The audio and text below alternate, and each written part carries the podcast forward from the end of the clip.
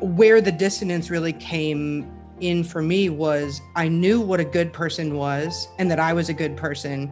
And I knew what a gay person was and that I was gay, but both couldn't coexist. That was Megs Pulvermacher, and you're listening to episode 293 of the Building Psychological Strength podcast, where we uncover the information, tools, and techniques to turn our mind into our most valuable asset. The courage to face fears with persistence. Being able to be present enough in this moment to choose my response thoughtfully. We have the strength to bend to life stressors, to bend to adversity without snapping, without breaking.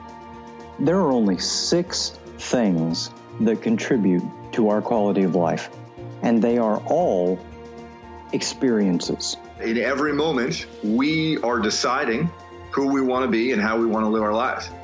Noticing what your brain is doing and then being able to make choices. Mobilize the things that we know lift us up. Hey everyone, welcome back to the Building Psychological Strength podcast. My name is April and I'm your host. I'm so happy that you're with me this Wednesday. This week, we're going to be talking about some really fundamental psychological topics, all through a very specific lens. And I'll get there in just one moment. Before I get there, I want to mention just one quick thing. A lot of you probably come here because you are searching for information, tools, tips, tricks, techniques to help you become a better person, experience life more fully or in a more engaged way, to be a more authentically you, to experience peace or ease or joy or alignment. And I love that. I love that you're here for that. I love that we can all come together for as this community for this podcast, you know, a couple times a week and we can work on ourselves and explore some of these topics that have the possibility to be life changing if you let them. So, why am I bringing that up this week?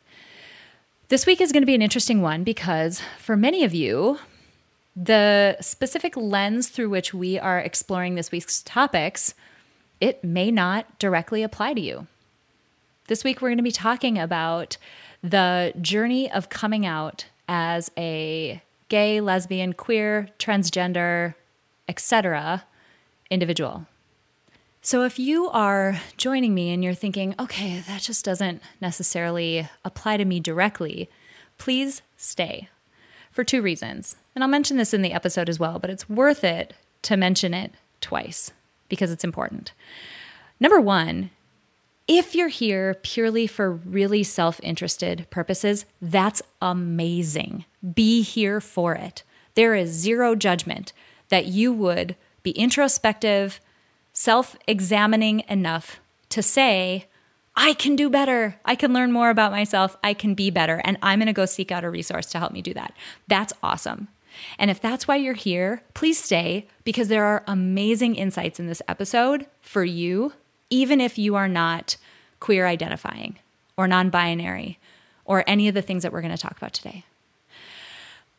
If, but a second reason, if you have someone in your life, and maybe you might not even realize, who is going through, is about to go through, has gone through, might go through the coming out process that we're talking about today with this week's guest, talk about an amazing way to understand a little bit more of the nuance. Definitely not all, but a bit more of the nuance, a bit more of the emotion, a bit more of the hardship, and a bit more of the struggle, and also the joy of what it means to go through that process.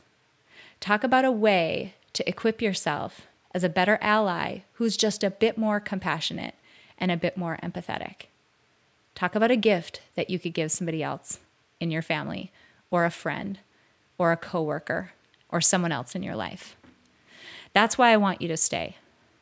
Now I want to talk directly to the audience who may directly benefit from this episode.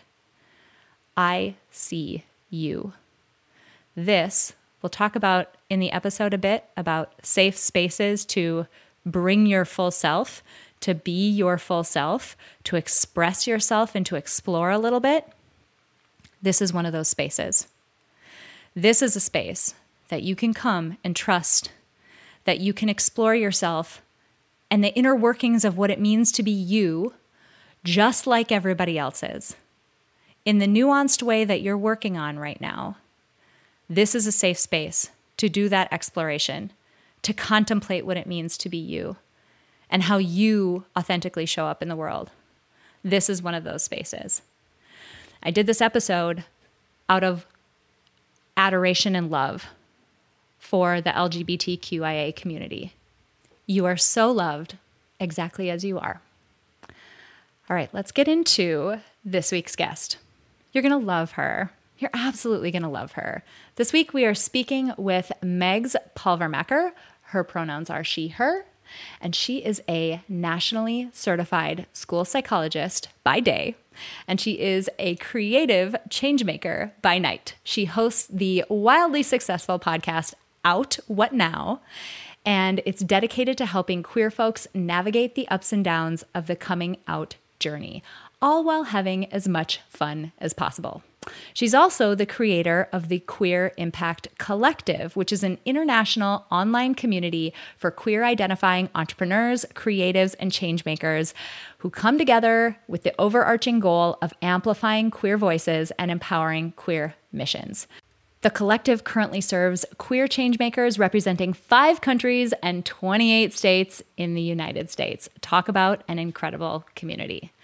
This episode is awesome. We talk a lot about the coming out journey, specifically from a very psychological lens. This would not be the Building Psych Strength podca- podcast if we didn't. But we talk about some fundamental things like our identity, what it is, where it comes from, and how it comes into play when we are rediscovering ourselves or maybe revealing ourselves to other people in a way that we haven't before. What that means to accept and recognize in ourselves and what it means to start to make that shift. There are some really interesting pieces there. We talk a lot about safety, psychological safety, and external safety. Megs has an incredible message in that regard. We also talk about what it means to have a very, when we have a, a, desire to want to put people into boxes, and how that comes to fruition when we're talking about something as fluid as gender and as sexuality, and all of the stuff that comes along with that. We talk about cognitive load and how mentally taxing it can be to navigate the process when you aren't completely out and are deciding what to share with whom and in what context, and so many other fundamentally important topics. Megs also talks a lot about the Queer Impact Collective. And if you're a person who is you know, directly impacted by this episode and is seeking community, I would highly suggest you check out her uh, collective because it is such an incredible resource where you can truly be in a non judgmental, safe space to explore and find and express and just be. I'm so excited for you guys to meet Megs. She is just a ball of energy, but also an incredibly talented and experienced professional, which makes her just the best combination of an incredible guest for this podcast. So, without further ado, please meet Megs Pulvermacher. All right, Ms. Megs, I'm so happy you are here today. I'm so thrilled we get to have this important conversation. You are just a light and a force in the world. And I'm so excited that my audience gets to meet you. Thanks for being here. I am so pumped to be here and be a light with you because same. Yay. So, uh, I'm really excited about what we're going to be talking about today because it's a topic that I haven't covered on the podcast yet, and I don't know how. But as this came to mind the other day, specifically around the topic of coming out as a gay, queer, lesbian individual, I was like, there's so much psychology underneath going through a process like that and an experience like that. And I'm like, this conversation needs to be had. And I know exactly who to reach out to to have it. So I'm so pumped. Well, I couldn't be more excited to talk about it. I talk about being queer on the internet every day, so it's it's a it's a good topic I think to cover because it is so often pathologized and not talked about in a way related at all to psychological strength even though it takes a ton of it to go through the process. Yeah, absolutely. And I want to just throw a quick um I don't even know, like disclaimer out there. If you're a like a person who identifies as straight and you're listening to this and you're like, "Oh, I don't know if this episode is necessarily for me. I don't know if I'm going to learn anything from this." I would really encourage you to stick around. Because number 1, even if you're just coming from a like a pure like self-interested standpoint, which is totally fine, right? That's why you come to podcasts like these. You want to learn something that helps you better yourself. So, no judgment there. That's great. You're going to learn about some core concepts today that 100% apply to you, no matter what your situation. And that's a very broad definition. Number two, everybody has someone in their life who either has gone through, is going through, or will go through this experience. And understanding it from a more nuanced perspective and in the way that we're going to talk about it can help you be more understanding, more compassionate, more aware of what that person might be going through. So, no matter your situation or circumstances, I suggest you stick around for this conversation because it's an important one. Super important. And yes. w- we can't do it without uh, allies. Yeah. And you definitely have queer people in your life, whether you know Yes, a hundred percent. So um, I don't even know where to start because I feel like um there is if we kind of follow the the process of coming out from end to end, there's likely and i'm going to disclaim this too like i'm coming at this from a very outsider perspective of being a straight woman and not knowing firsthand right? So at any point in time jump in correct or adjust how i'm describing things. But there's this point at which you in any psychological experience you start to recognize that something is amiss the very initial recognition that you may be different than other people or other people are or other people told you you were. Can you talk a little bit about in the work that you've done, in your own experience, in your experience with working with other people, how that comes to be and the feelings and experience associated with those early realizations? And I'm assuming that could happen at a lot of different ages, but those early realizations. Yeah, I have noticed that the realization experience and how that comes to be is very similar for a lot of people, but happens at a lot of different points in life. Mm. And with a lot of the folks I work with, um, within the collective and in in my work now, there are a lot of folks who come out later in life. I came to the realization quite early. I would say 13, 14 mm-hmm. was about where I was when I was like, oh, my body is reacting in a, a, very different way when I'm in like clo- close proximity to my friends or also not really understanding the boyfriend thing or what people around me were describing as what was supposed to be my typical experience. Mm-hmm.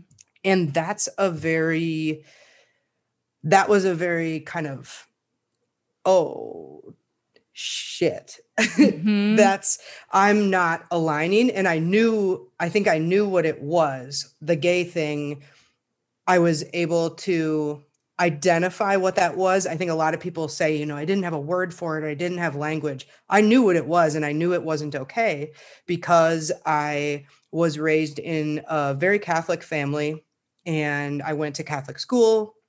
I was very involved in the church, which actually increased at the more I became familiar with my sexuality and what that meant.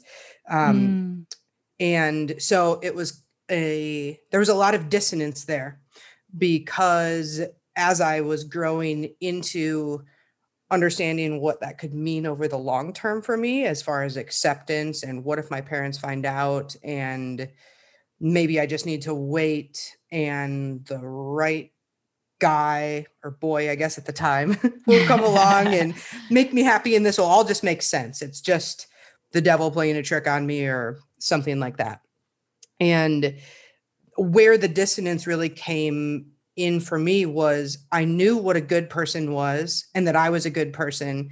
And I knew what a gay person was and that I was gay, but Ah. both couldn't coexist. So my kind of internal thought, this was more in high school, was well, I can't be both. And I know I'm good. So I must not be gay. Oh. So it was that was a very weird thing because, you know, they can't coexist. yeah. They're completely separate. So that was a very um weird thing to go through kind of I guess if we're talking cognitively like with where my brain was at, I just couldn't sort out how one could be true and or not. You know what I mean? Yes. It's okay. Psych detour for a second. I love that you shared that because uh, from just a pure cognitive and well, social cognitive standpoint, we talk about identity in a little bit of a different way. Sometimes people, and I hear a lot of that in what you're saying. Sometimes people, when we talk about identity, you know, you'll you'll see worksheets and things on the internet that say, "Oh, your identity is how you would fill in the sentence I am. I am a mother, I am a wife, I am a sister, I am a friend." We look at those as roles that you play. They're not identity. From a social cognitive perspective, we look at identity as what your mind has learned from the moment you were born, what it has learned about what it means to be you and people like you. So we passively learn a lot of this information when we're younger. We're just sponges. We just accept it all. We just take it all in as though it's fact. And the thought process there evolutionarily is that the stuff you hear more often, more strongly, more consistently is probably the true stuff. And the stuff that mm-hmm. you only hear occasionally, it's okay if you accepted it as fact because you only heard it once and it's probably going to get trumped by everything else. But that doesn't necessarily flesh out that way when you think about sources of identity being your parents, your friends, people who look, act, live by whatever that community of people who are, quote, like you. Um, it can be sources from churches and other organizations hierarchically in society. It can be our social groups, what it means to be a woman or black or a black woman, and all of the intersection of all of that. We learn a body of knowledge about what it means to be that.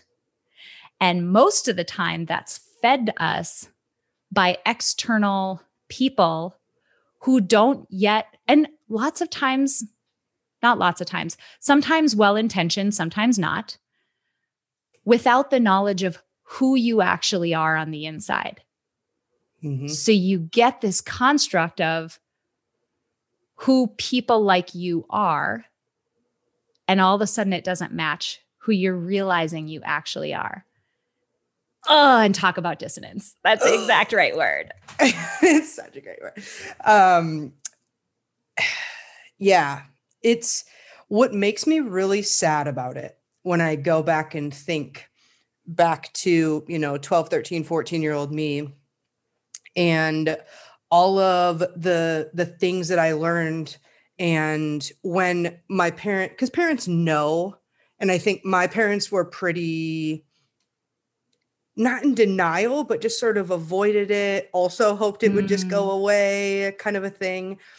Um, and like you said, people are operating, or people who are trying to guide us are trying to create this environment of safety from their perception of what safety means. And and also safety, I think, externally, right, is what they think of. But what it teaches, what it taught me was that it's not safe to trust myself.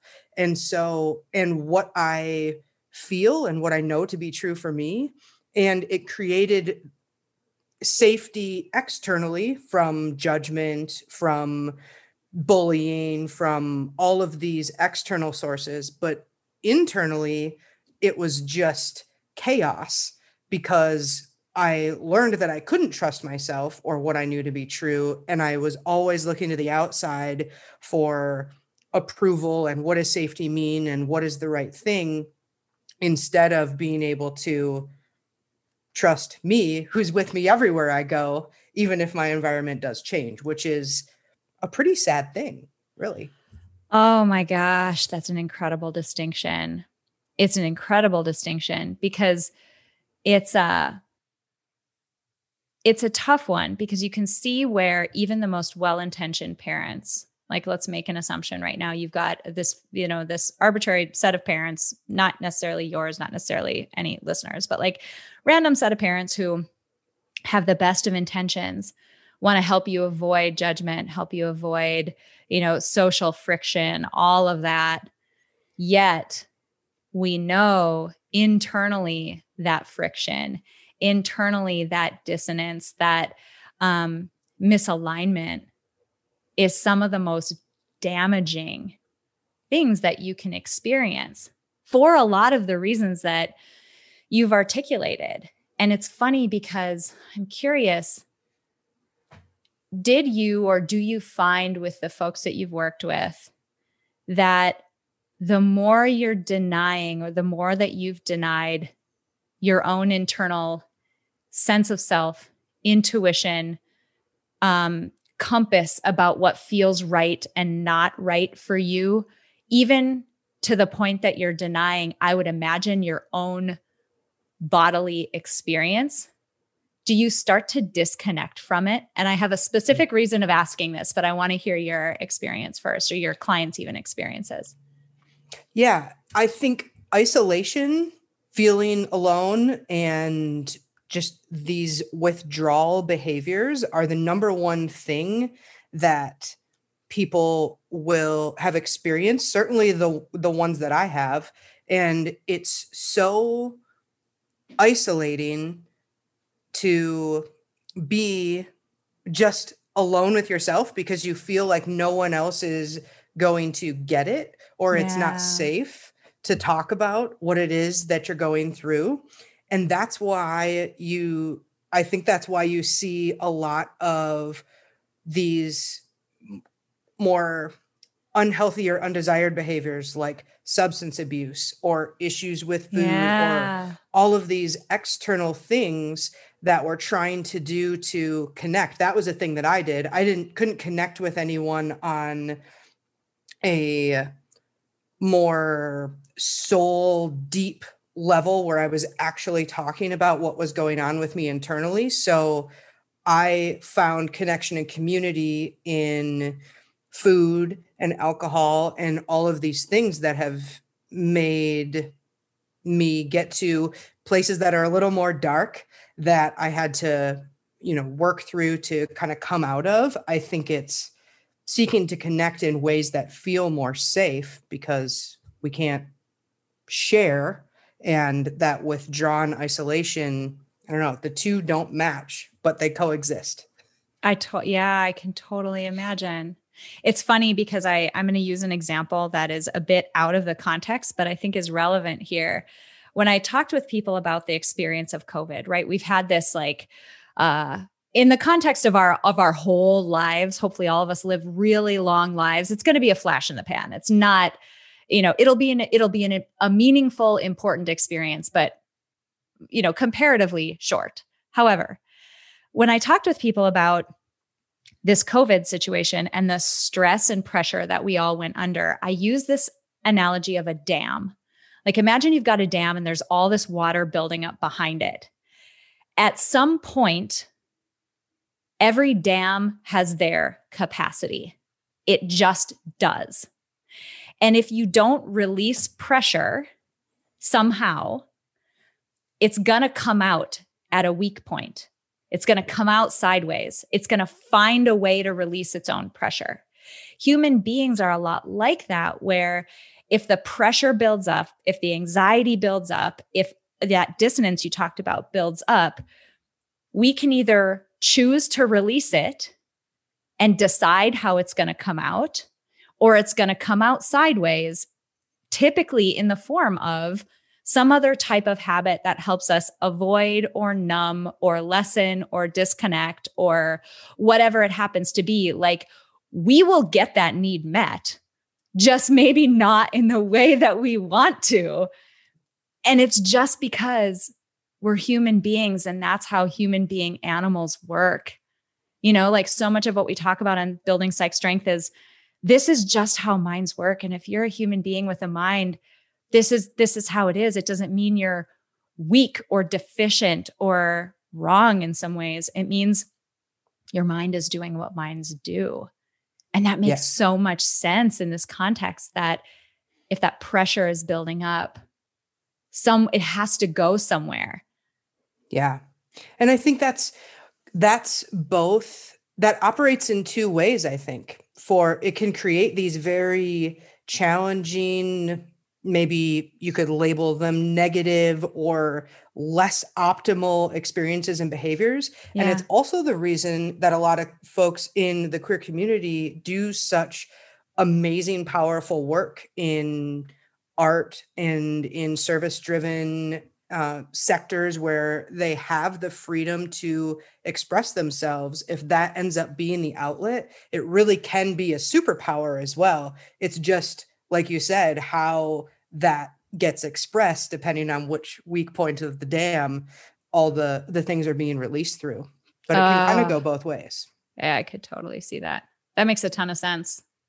Okay so you go through this process of realizing coming to the you know understanding that okay yep it isn't just a phase it's not something that's going, going to go away Brad Pitt can walk in, it doesn't matter. It's not him um, or any hymns.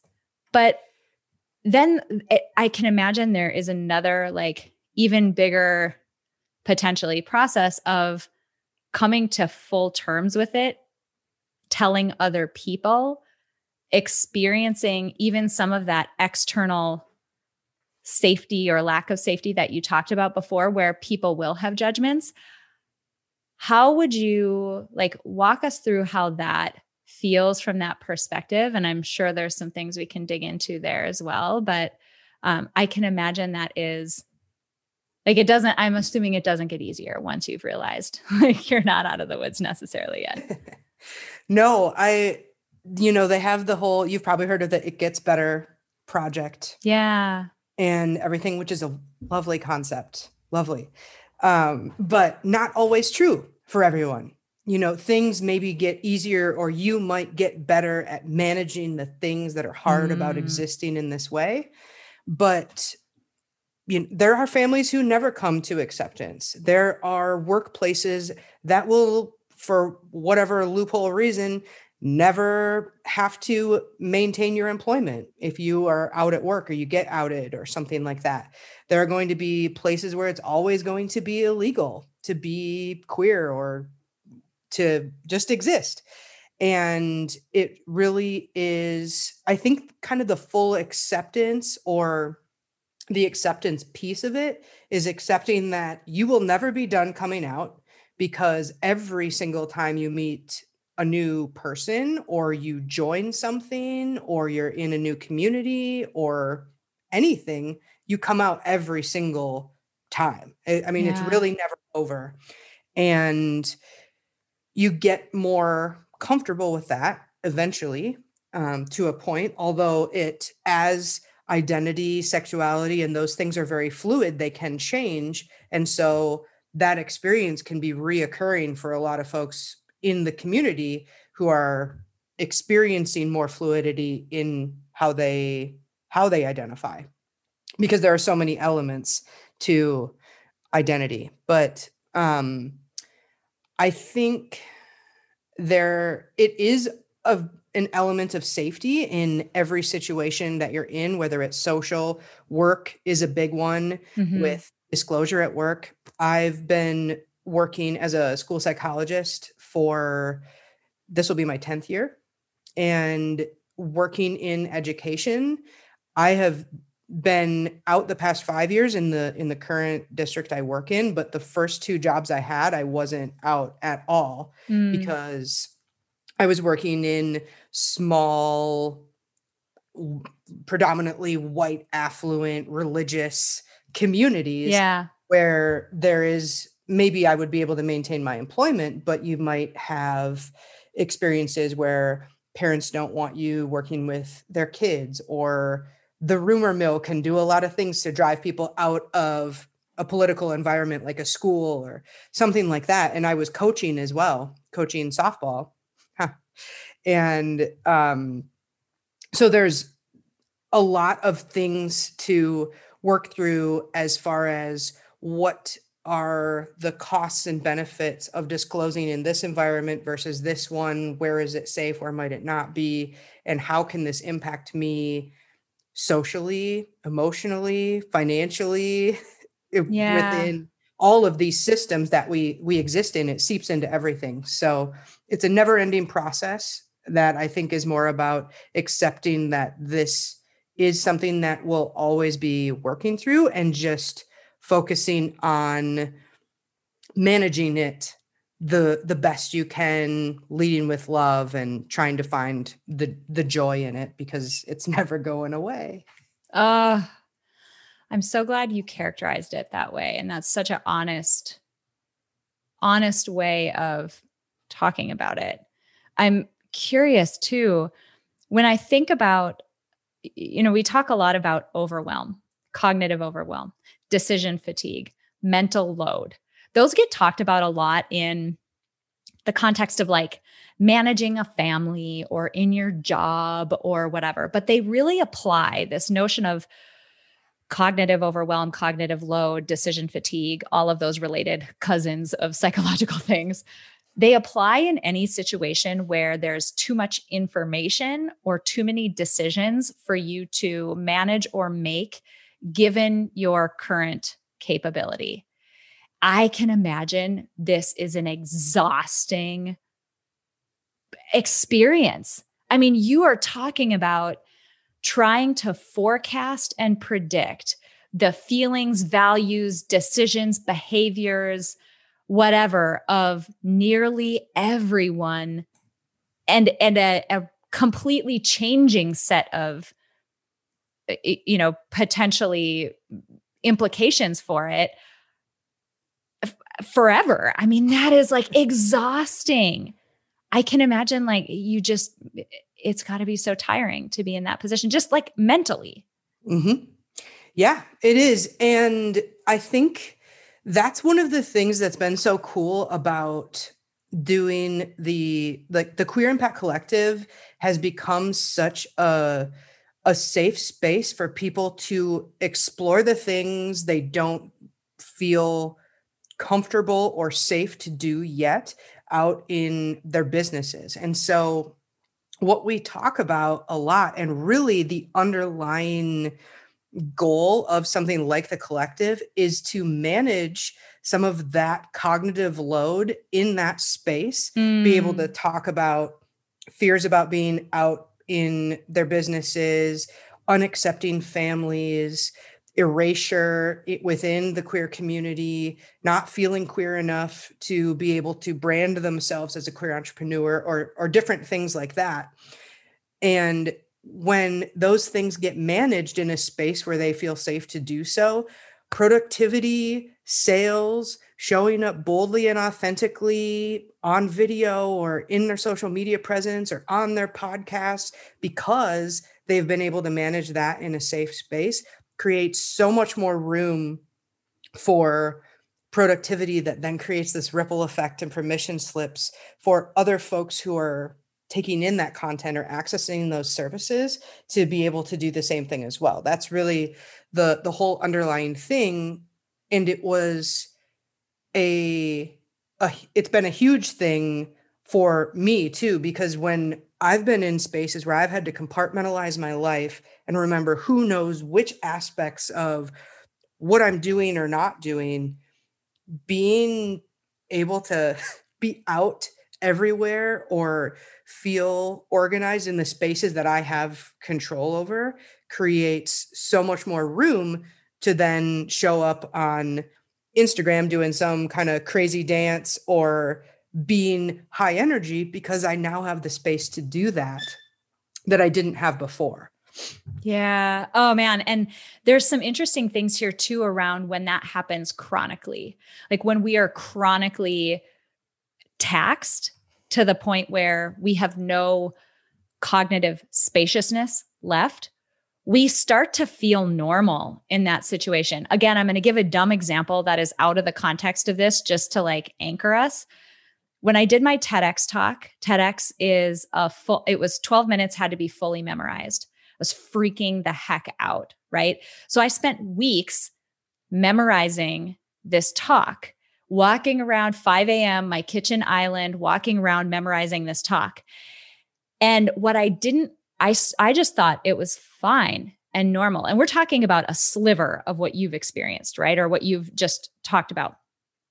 When that talk was over, I got up the next morning and I was like, look at how much space there is in here. Like, what?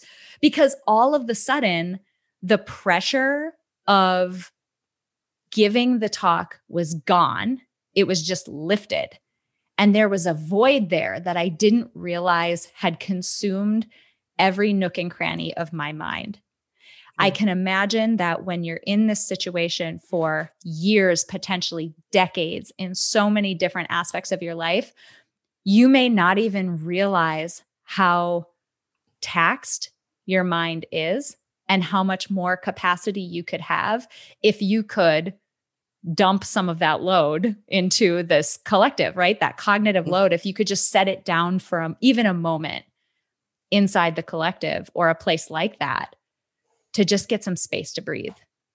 Absolutely. And I think you allies, I hope you're still with us. I'm sure you are because if April tells me to do something, I would do it. So um, I think this is a really uh, cool spot to just a little pitch to allies. This is why things like uh, pronouns or using gender neutral terms when you're talking to people like in workspaces or out in social things like do you have a partner or different opportunities like that when queer folks who maybe aren't even out yet or maybe they are when they see things like pronouns in a in Instagram profile or something on an agenda that indicates safe spaces it removes some of that cognitive load for us in that particular environment. Mm.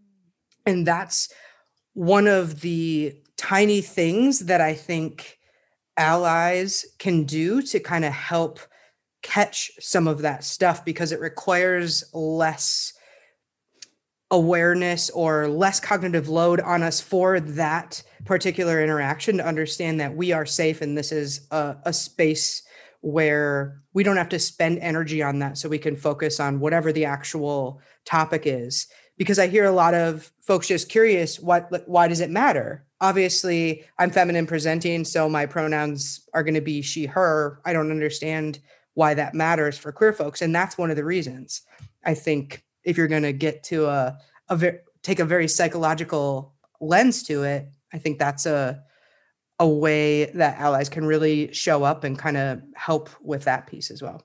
I love that. And talk about too a lesson in just flat out compassion because we've all been in an experience where we're either overwhelmed, we're stressed. There's a thing that we're managing or dealing with. And it doesn't matter if it's like, you know, maybe your kid is struggling in school right now and you're sort of preoccupied with that or whatever. We all know how good it feels to have somebody who either explicitly, maybe they say this, or just in the way that they are, that they've got you. Like you're good.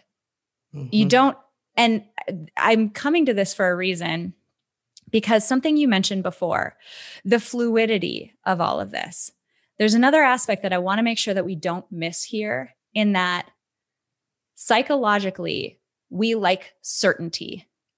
We like to be able to say, here is the box that I check.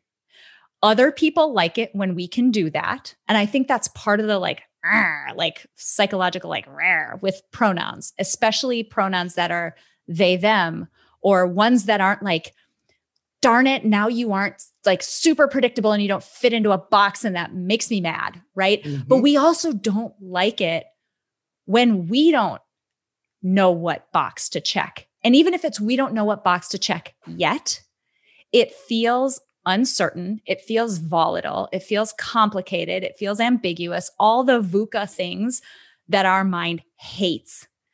And I can imagine that it's difficult to navigate that because not only are you navigating, you're now on the side of the fence where people are going to have questions. You're going to have some, you're going to have to continuously come out, all the things that you've said, but you're sort of I'm going to keep going with this terrible analogy, like walking around the yard over there and not sure which part of the yard you're in yet, or maybe you're just like exploring and figuring it out for yourself. That's tough for other people and for us about ourselves. Mm-hmm. And I mm-hmm. think if we just acknowledge that, it's okay to have a hard time with that, especially, you know, if you are still navigating it. And it's likely to bring up some pushback from your mind where it's that identity we talked about before clashing with okay well fine if you are on that side of the fence then fine but now you can't you know it might feel like you can't even quote unquote prove it or know exactly how to characterize it because you're still i'm like fumbling but it's it's a tough concept to explain mm-hmm. um but i can imagine that it would be really hard to go through. Yeah, I feel very fortunate in my experience as a pretty standard white lesbian.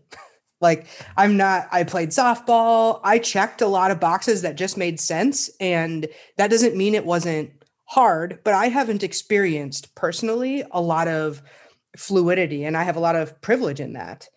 I because I it's easy for me to walk into a space and people kind of get it. Like you can I'm one of those people where people can kind of like look at me, listen to me talk. I mean, now I'm just leading the way with queer stuff. So like, oh yeah, like softball lesbian. That's that's great. And those boxes there are there's there are challenges that come with boxes as well.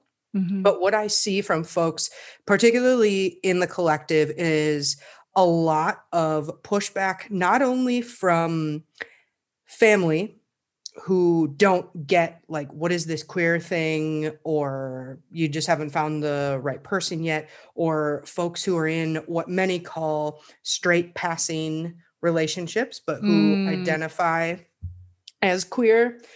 Um, there's a lot of erasure that comes along with that with with identity for folks who maybe visually fit into boxes for people but yeah. they themselves don't identify as being within those boxes and there's a lot of pushback within the queer community about checking boxes because i think for so many people in the queer community, they've spent so much time wandering around the yard looking for that Easter egg of, oh, this one is me, that once they've found it, they also want to be able to organize, okay, who is like me and am I queer enough? Mm.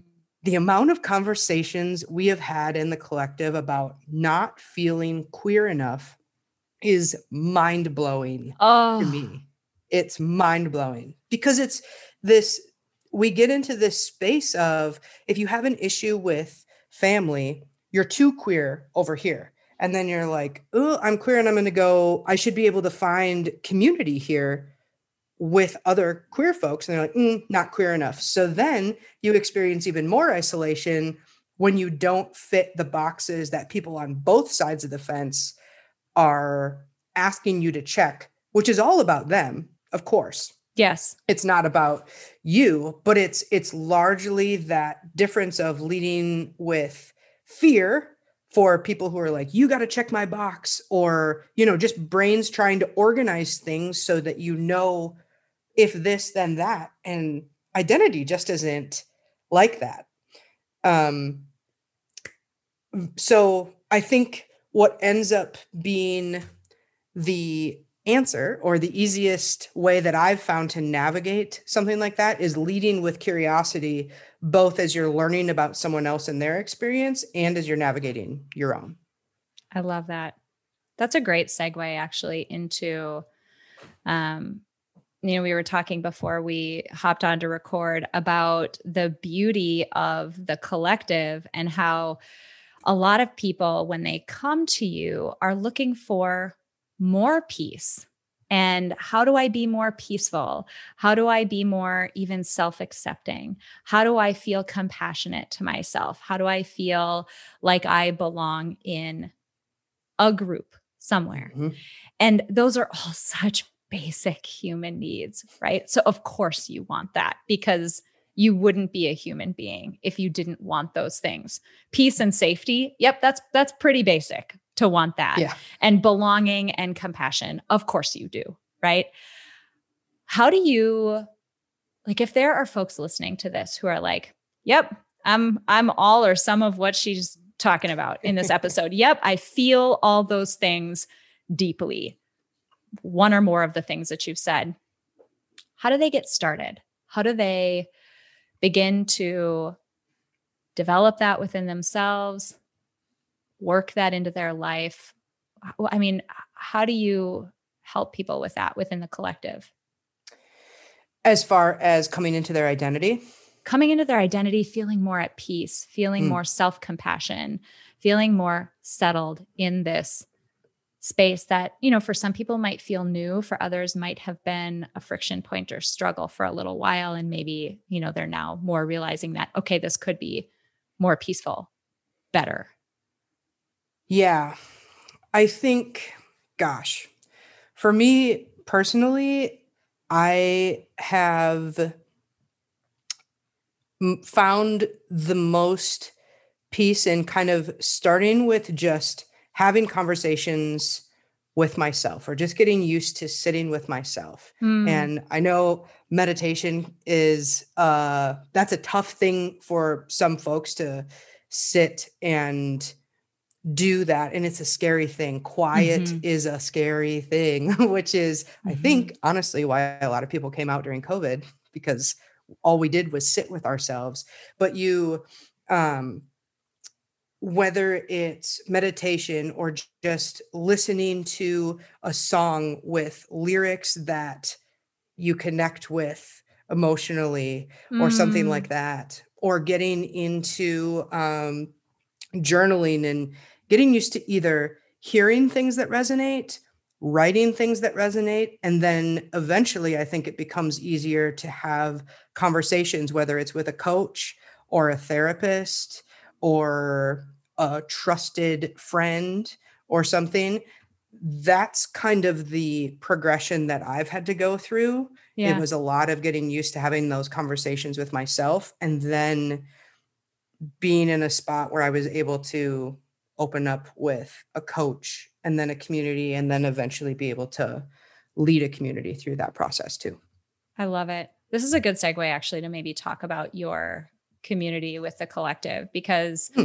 um I mean talk about a safe space, right? A place where you can come and explore and find and seek and you know be in community with other people who are at various stages and whatever of the same journey. I would love for you to tell this audience a bit about it if there's people listening who feel like they could benefit or an ally, family member, friend, whatever it happens to be of someone who might really benefit. Yeah. So the Queer Impact Collective is my favorite thing ever. I can't even believe you should see is... your face light up when you talk about this. I mean, we went from this serious conversation. It was like boom. It was awesome. Yeah. Okay. Sorry. I keep going. I just can't even believe it's real. Like the amount of progress that I have made in my own acceptance of my own queerness and what it has done for me as a human, just with myself, in my relationships with um, friends and romantically in my family and for my business and how I'm able to show up in all of these different realms. It, the work I've done on that in the past year has been absolutely life changing for me. And bec- I was able to do that because I worked with, uh, I finally worked with a coach who was also queer and was able to take me through this process of really learning to trust myself and how much power there is in being able to show up more boldly and authentically as myself, including my queerness. I've always been Megs. I've always been high energy, fun, really, uh, as a psychologist, really liking talking about mindset, etc. But I noticed this shift in really how I was able to show up, how my voice changes, what my face does, like you just said, um, where I'm showing up fully authentically in a space. And so I created the collective because I thought to myself as I was looking around where there's got to be more queer entrepreneurs who are out here doing the thing. And there were, there were a ton, but we were all on our own little islands. Mm.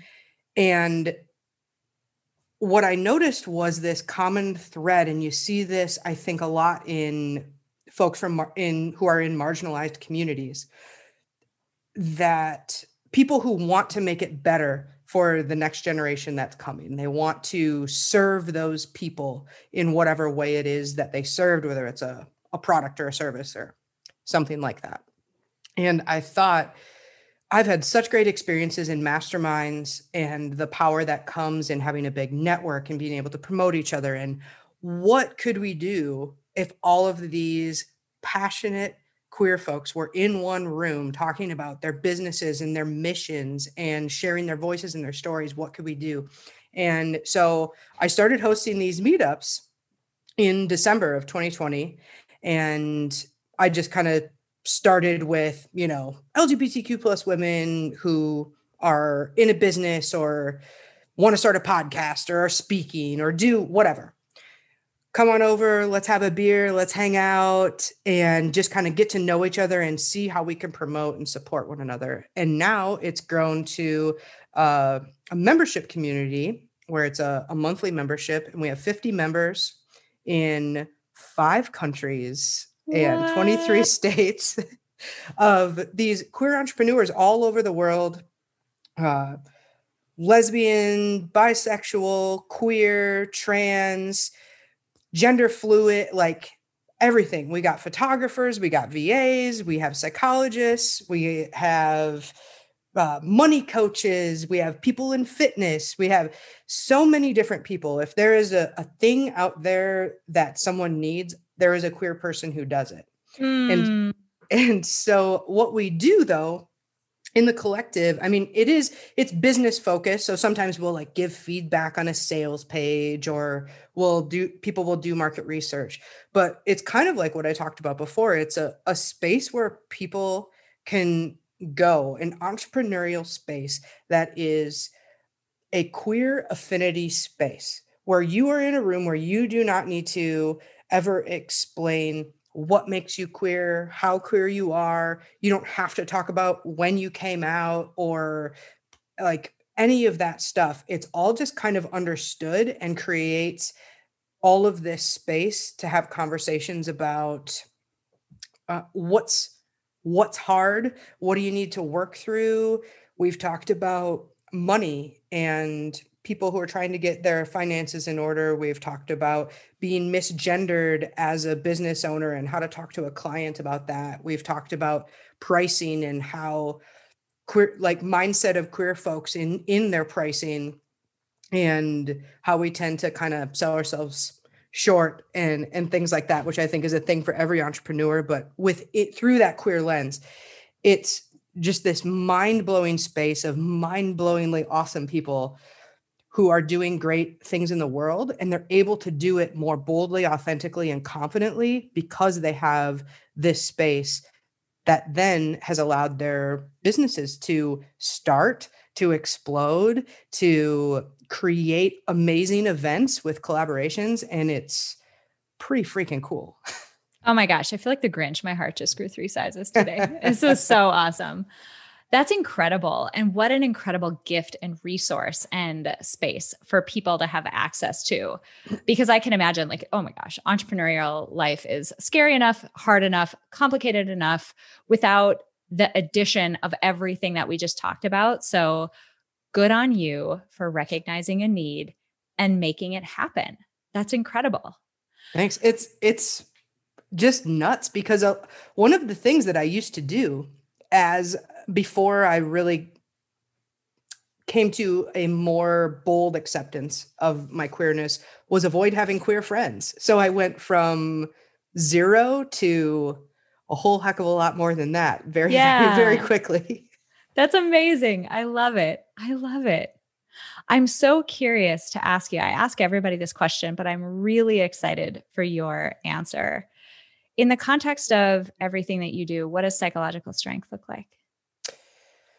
Psychological strength looks like recognizing and believing that you're already enough and you're already worthy of love and I think then actively choosing to grow through that lens is what it means for me is understanding that that baseline you are already enough where you are and using your experiences to grow. Megs, you're awesome. I'm so glad that you are here. I'm so glad that we were able to make this work and that you are so bold and so authentically you both i mean here obviously because this was an amazing conversation and so valuable to this audience but to the value that you're providing to your community through your podcast i mean through everything it's so needed. I, I you know we talked about belonging and all of all of that just being such a basic human need. And you are truly providing that to this community both i mean obviously you know queer gay lesbian trans i mean everybody that is in your collective but also good on you for helping those of us who also want to be a safe space do better and be better to be a better safe haven to extend the walls of what you're trying to do um, even by just a little bit. So you're so awesome. I'm so thrilled you were here. This is just the highlight already of the beginning of my week. So thank you, thank you, thank you so much for being here. Thanks so much for having me. Keep it queer out there. It's a simple fact that nearly everyone in the world could benefit from building psychological strength, but not everyone will put in the time and effort to do so. But today you did. Thank you so much for listening to this episode of Building Psychological Strength. Now, if you're interested in building the mental toughness, confidence, and resilience you need to thrive through life's ups and downs, visit us at www.peakmindpsychology.com. Also, if there's someone in your life who could benefit from this episode, please share it with them. And if you yourself found this episode valuable, meaning if you took away even one insight that you can use to build psychological strength in your own life, we would so appreciate it if you would drop us a rating and a review on iTunes. The thing is, the more ratings and reviews we have, the easier it is to get this powerful and important content out to the people who need to hear it. Remember, your mind can be your most valuable asset or your biggest liability, and you get to choose. So choose wisely, my friend. And I'll see you next time on Building Psychological Strength.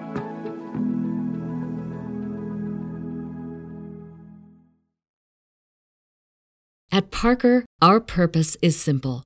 We want to make the world a better place by working more efficiently, by using more sustainable practices, by developing better technologies. We keep moving forward with each new idea, innovation, and partnership, we're one step closer to fulfilling our purpose every single day. To find out more, visit parker.com/purpose. Parker, engineering your success. Everybody in your crew identifies as either Big Mac burger, McNuggets, or McCrispy sandwich but you're the filet fish Sandwich all day. That crispy fish, that savory tartar sauce, that melty cheese, that pillowy bun. Yeah, you get it every time. And if you love the Filet-O-Fish, right now you can catch two of the classics you love for just $6. Limited time only. Price and participation may vary. Cannot be combined with any other offer. Single item at regular price. Ba da ba ba ba.